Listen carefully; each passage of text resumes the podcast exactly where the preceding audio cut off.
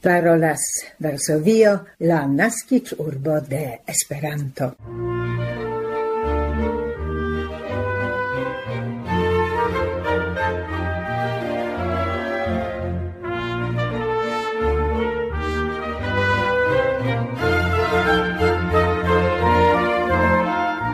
Bonvenon, gesignoroj, en la 1303 Esperanto-elcendo al Varsovio, Audiranta premiere la dudek kwinan de februaro 2024. Barbara Pietrzak, Milada Szwedo kaj Maciej Jaskot proponas al vi en la komenco kultur kronikajn informojn. Per nea felietono ni rakontos pri Coninda Pollando, kondukante vin alla loco Kamień Śląski en la sud-occidenta Pollando. Niaj esperanto comunumai informoi rilatas al calcai cultur rilatei eventoi en nia medio. Comence ni proponas informojn de nia cultur tema cronico el Pollando.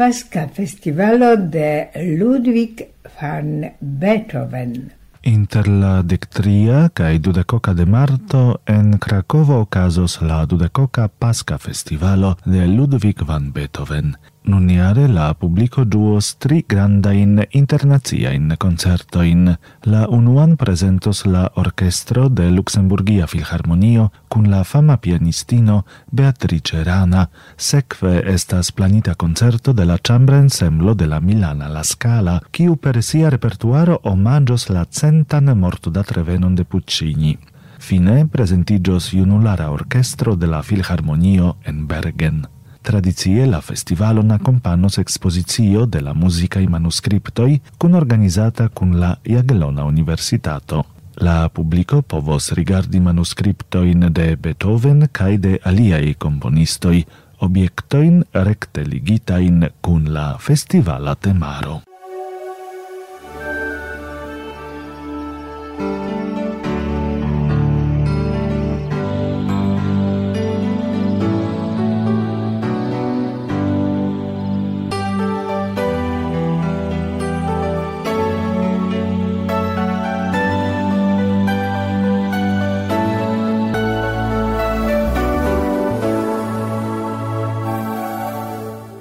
Reflectoi de Belo, cina survitra pentroarto el la collecto de Meilin. En la Varsovia Museo de Asio cae Pacifico dauras gis la dudec unua de aprilo por ocasa exposizio Reflectoi de Belo, cina survitra pentroarto el la collecto de Meilin.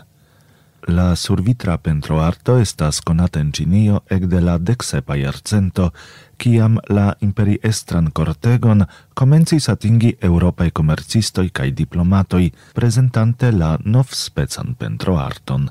Comence la Cina survitra pentroarto estis destinita al malvastai rondoi, sed en la decoca iarcento gi aciris grandan popularecon.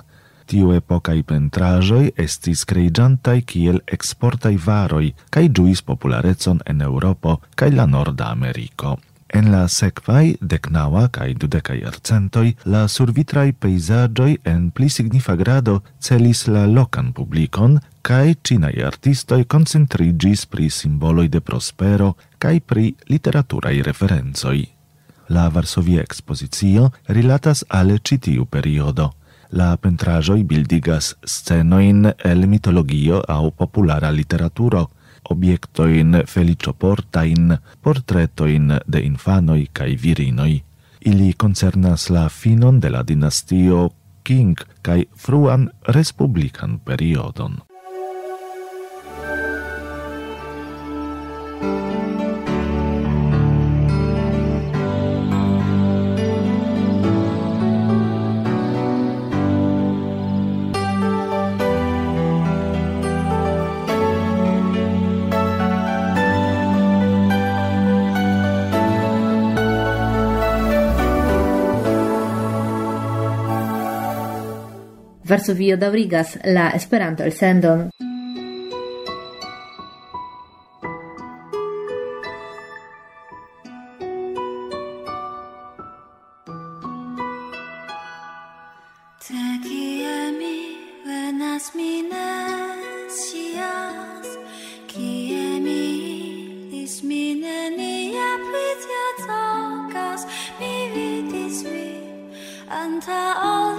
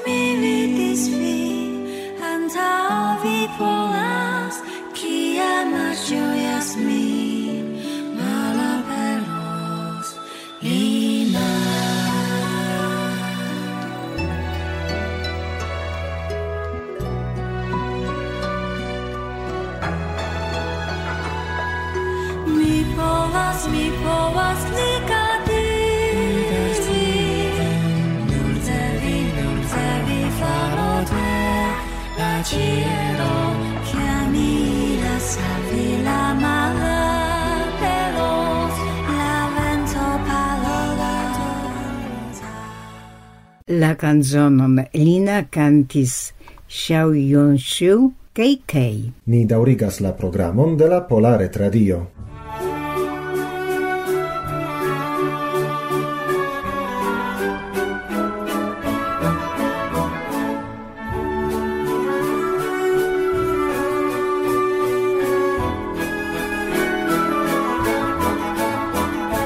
Hodiaŭ mi proponas, ke sinjoroj viziti la lokon Kamin Śląski en la sudokcidenta Pollando. La unan fojon ĝia noma aperas en la plej malnova pola kroniko de Gal Anonymous, verkita latine en la jaroj 1112-1116. En ĝi la loko aperas du fojojn. Sub la latina nomo lapis kiel sidejo de princo Boleslao Kurbobusa. kaj en ĝia poligita nomo kiel Castrum Kamenč, tio estas fortikaĵo ŝtono. En la dekdua jarcento ĝi estis mencita kiel defenda burgo la residejo de la nobela familio odrowąż. Inter la dekoka kaj dudeka jarcentoj ĝi apartenis al la familio Strachwitz, kiu referencis al siei familiei ligoi cun la polei nobelai odrovons. Kiel curiosajon ni menciu, che ciui castelregantoi portis la gregdefenan persona nomon Jacek, en esperanto Jakfo. Giuste en cetiu familio nascigis la mir infano Jacek, kiu jam dum sia vivo farigis la simbolo de humileco cae amo. En Romo li ricevis la dominicanan frokon en la manoi de Sancta Dominico mem, cae cun camaradoi revenante al Pollando li establis plurain dominikanajn clostroin. La memoro pri la miraclo faroi de la Sancta Jacek dauras ĝis sed kiel la Sanctulo de la Rom-Katolika Ecclesio, li estis proclamita iam antau kvarcent tridek en 1594. Pri la disfloro de citiu residejo en Kamin Śląski, saturita de historiei eventoi, zorgis la familio Strzał, Larisz kaj Strachwitz, ciui referenzantei al odrowąż familio, kiel siei familii antauloi. Dum ilia regado la grandegei construajoi transformigis lau forma cae lau funccie en locan palacon. Iam la familio von Lavis, la chambron ce la uno etaggio, en kiu oni dire en mondigis Sancta Jacek, transformis en etan capeleton, kiu igis la loco de la religia culto. Anca nun, post la restauro tiu capello, funccias ebliganten pensigi che presi, crome gravas sen la besono sequi la palazan visiti tineron. Dum la dua mondmilito la residejo ne perdis sian atrakciecon, sed en giei laste iaroi palazzo estis transformita en milithospitalon pro la trovigianta proxime flughaveno, ebliganta evacui vundite in soldatoin. La proximigiante en januaro 1945 truppoi de la Ruĝa Armeo eldevigis evacuon de la hospitalo sam periode la palazon forlasis representantoi de la familio von Strachwitz. Ruĝa Armeanoi en iris camin śląski la dudek duan de januaro 1945.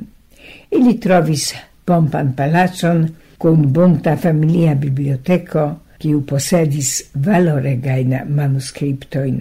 Ili prirabis cae detruis cion. Ili complete ruinis la capelon de Sancta Jacek. Post milite malgrau la detruoi, en la palazzo estis instalita infandomo, sed jam en 1958 ili estis de tie evacuitai, cae alla palazzo pro la proxima flughaveno revenis russoi sovetunianoj. La palacaj havajoi estis transprenitei de militista administratio, cae la palaco mem transformita en garnizoneion. En 1970, post la fin ruinigo de la tuto russoi bruligis la palacon. Kiel ruinajo, gi estis transdonita dudek in poste al Opole diocezo. Post pena cae costega reconstruo, la loca episcopo relancis en gi sancteion de Sancta Jacek, centron de culturo cae scienzo de la teologia facultato de Opole Universitato. Tio ocasis en 1994, en la cadro de la solenajoi de la quarcentiarigio de la canonizo de Sancta Jacek. Partoprenis la solenajoin ancau idoi de von Strachwitz familio, kies membro grafo Jakvo, la lasta el palaz posedantoi, estis sepultita en Kamin Śląski komence de la 2000 jaroj la palazzo de Odrowąż familio en Kamień Śląski trovigas nun en la centro de la panorama parco tui mal antau agordo plena aquo receptaclo cun fontanui. Gi denove ravas la visitanto in pro faina reconstruo, pro muroi de vastega unuetagia vestiblo, ornamitei per manfaritei gobelenoi, cun blasonoi de la unuopai palacei posedantoi. Samtempe la palacon Kaminie Śląski servas kiel loco de multaj conferenzoi, spiritaj exerzoi, nuptoi. La verdas plena parca ĉirkaŭaĵo favoras pensigioin cae refleŝiĝon en la natura medio, en kiu jen cae jen audigas ne nur pro la religiae chialoi sonoril tonoi. Povas esti do, ke dum la turismei planoi por 2024 ec iui el niei auscultantoi planos visiton en unu el la plei interesaj turismei atrakciaĵoj de Opole regiono, kiu estas Kamień Śląski kaj palazzo palaco.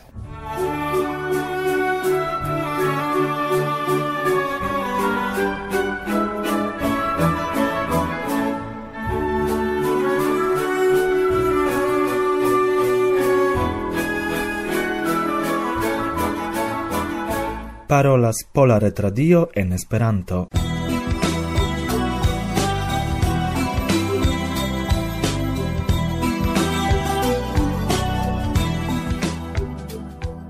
La historia serio Oriento Occidento estas la plej longdaŭra projekto, per kiu ekde 1971 UEA kontribuas al UNESCO programo pri reciproca studado kaj apresado de kulturoj de Oriento kaj Okcidento.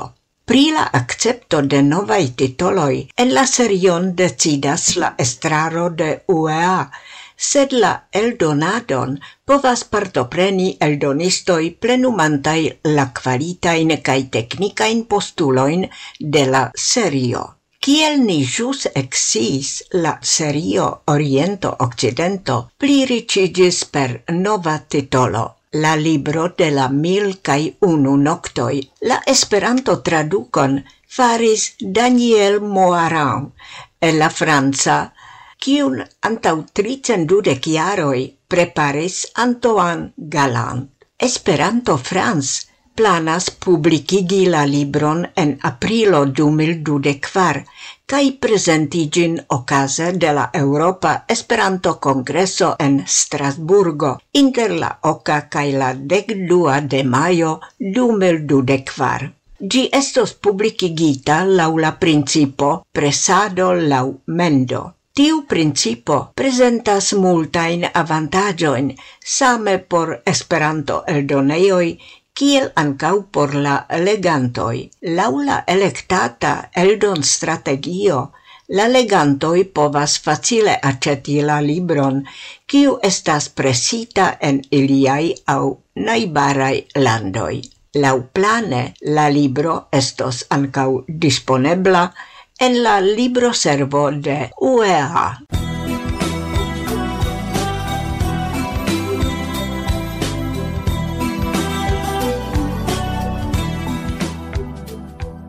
Itala Esperanto Federacio organizas en la jaro 2024 literaturan traduc concurson el la Itala al Esperanto.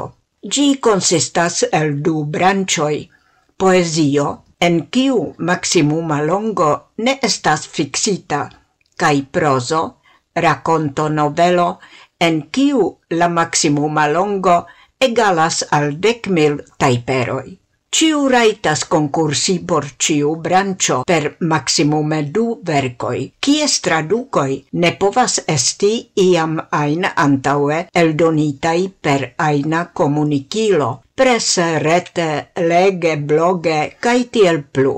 La gainintoi de la unua premio ne raitos partopreni en la concurso en la sama brancio dum la tri sekvaj iaroi.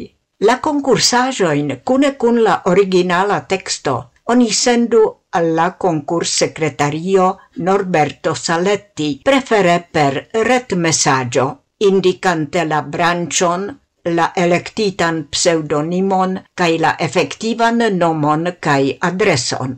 Se tio ne eblas, oni sendu ilin papere alla adreso Federazione Esperantista Italiana, indicante sur la coverto literatura concurso, cae enmetante la testo in cae traducon sen aina indico aparta folio en havu ciuin postulatain indicoin same kiel en la reta contribuo. La secretario gis la unua de augusto informos la gainintoin pri attribuita premio. Ili devas cedi senpage al IFO por la unua iaro la raiton je unua publicigo.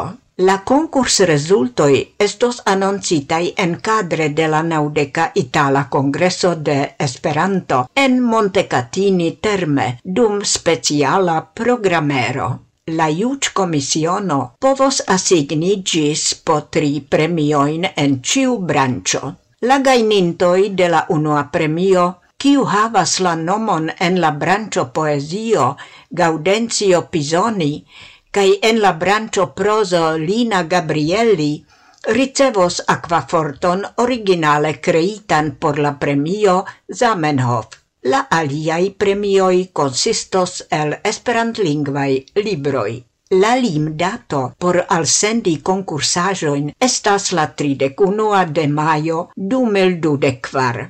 La iuc komisionon en la brancio poezio consistigas presidanto Laura Bracciabeni, secretario Norberto Saletti en la brancio prozo, la iuc komisiono consistas el Carlo Minaya cae Valerio Dalla.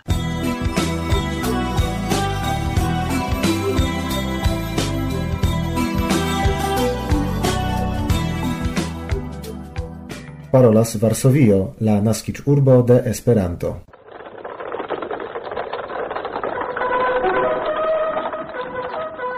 Carai radioamicoi, carai auscultantoi, En la fino de nia hodiava el sendo de nove, post longa interrompo, audigas nia lettercasta signalo. Una vice por en citiu nia contacto programero, danki pro ciui reagoi, ciui atingas nin, kvankam ni ne povas kaŝi, ke generale la nombro de viei reagaj mesaĝoj signife malcrescis, same kiel la chato signai confirmoi en la Facebook Facebookaj profiloi. Jen la causo de tio, che nia programero netiam oftas, sed tamen la tutan tempon ni sequas con interesigio viein reagoin, cae dankas al ciui, ciui plu informas pri niei unuopei elsendoi au unuopei programeroi. Hodiau ni volas eh, aparte danki pro la lastei confirmei reagoi de Vyacheslav Chromov, Carlos Spinola, de Rokri Rok Sebdek Nulo du, kiu confessas ke jam de kelke jardecoj aŭskultas Polan Radion Esperanto, rememorante la captadon de la elsendoi per la mallongaj. Nu, veras, apenau oni memoras tiun tempon, che malfacilas ed gin compari alla nuna situatio, ciam, kiel substrecas Rory Rock, sepdec nulodula son estas clara, kai eblas ausculti ciam ein oni volas. Tiun malnovan tempon certe bone memoras Edmond Ludwig, inter alie, kiu en sia lasta messaggio menciis memorigain, kai kiel li definis emociigajn elsendojn pri de Tastein kai intervjuon kun Ada Figuera-Sikorska, Edmond aldonas kai revenas rememoroj dankal il elsendoj. Estas maniero reunigi au almeno estas la sento de reunigio e coran dankon pro via messaggio kai ni gioias pri tiu reuniga efiko de kelkaj programeroi che ni certe cerpos anco estonte al nia modesta archivo. Lastatempe giuste tiel ni povis eh, omagi la memoron de la forpasinta professoro Wim Jansen. Dankon Bruce Crisp pro la referenza al getiu son documento che croma indico che en la procasa articolo de dr. Ulrich Lins en Libera Folio trovidas liga adreso alla inaugura parolado pri kiu kun profesoro Jansen ni parolis en nia interparolo. Cetere tutkoran dankon Bruce pro viei gratuloi, liga kun la 1300 elsendo kai dankon al ciui aliai kiui gratulis al nia teamo pro lauvice jubilo de la Pola Retradio en Esperanto. Ne captas la occasion danki pro la donacoi, kiui en decembro venis de Ipuko Kitagawa, cae de E. Babel, cae en januaro de Francisco Loren. El corandancon Carlo Spinola pro via donaco en februaro. Dancon Bruce pro via subteno, pro via ja subteno funkcias nia pagio polaretradio.org. Nu, cae dancale, vi nia pagio baldau notos quincent milan visitanton. Via helpo gesinjoroj enorme gravas en mia laboro, laboro cium usas multei malnovai e cae ancau multei novai auscultantoi. Exemple, inter alie Dominico usas, kiel discribas skribas niajn elsendojn por plibonigi sian Esperanton. Vian demandon, Dominico, pri apo museico, kiu ebligas ausculti nur tri lastajn elsendojn, ni esploros, kaj alla temo ni certe revenos la sekvan fojon, kaj dumege, signori, ni adiavas vin, attendante kiel ciam viajn rimarkojn kaj opiniojn, viajn mesaĝojn, kaj tio estas ŝanco denove renkontiĝi en laŭvica leterkesta programero. Ĝis la baldaŭa raŭdo, gesinjoroj.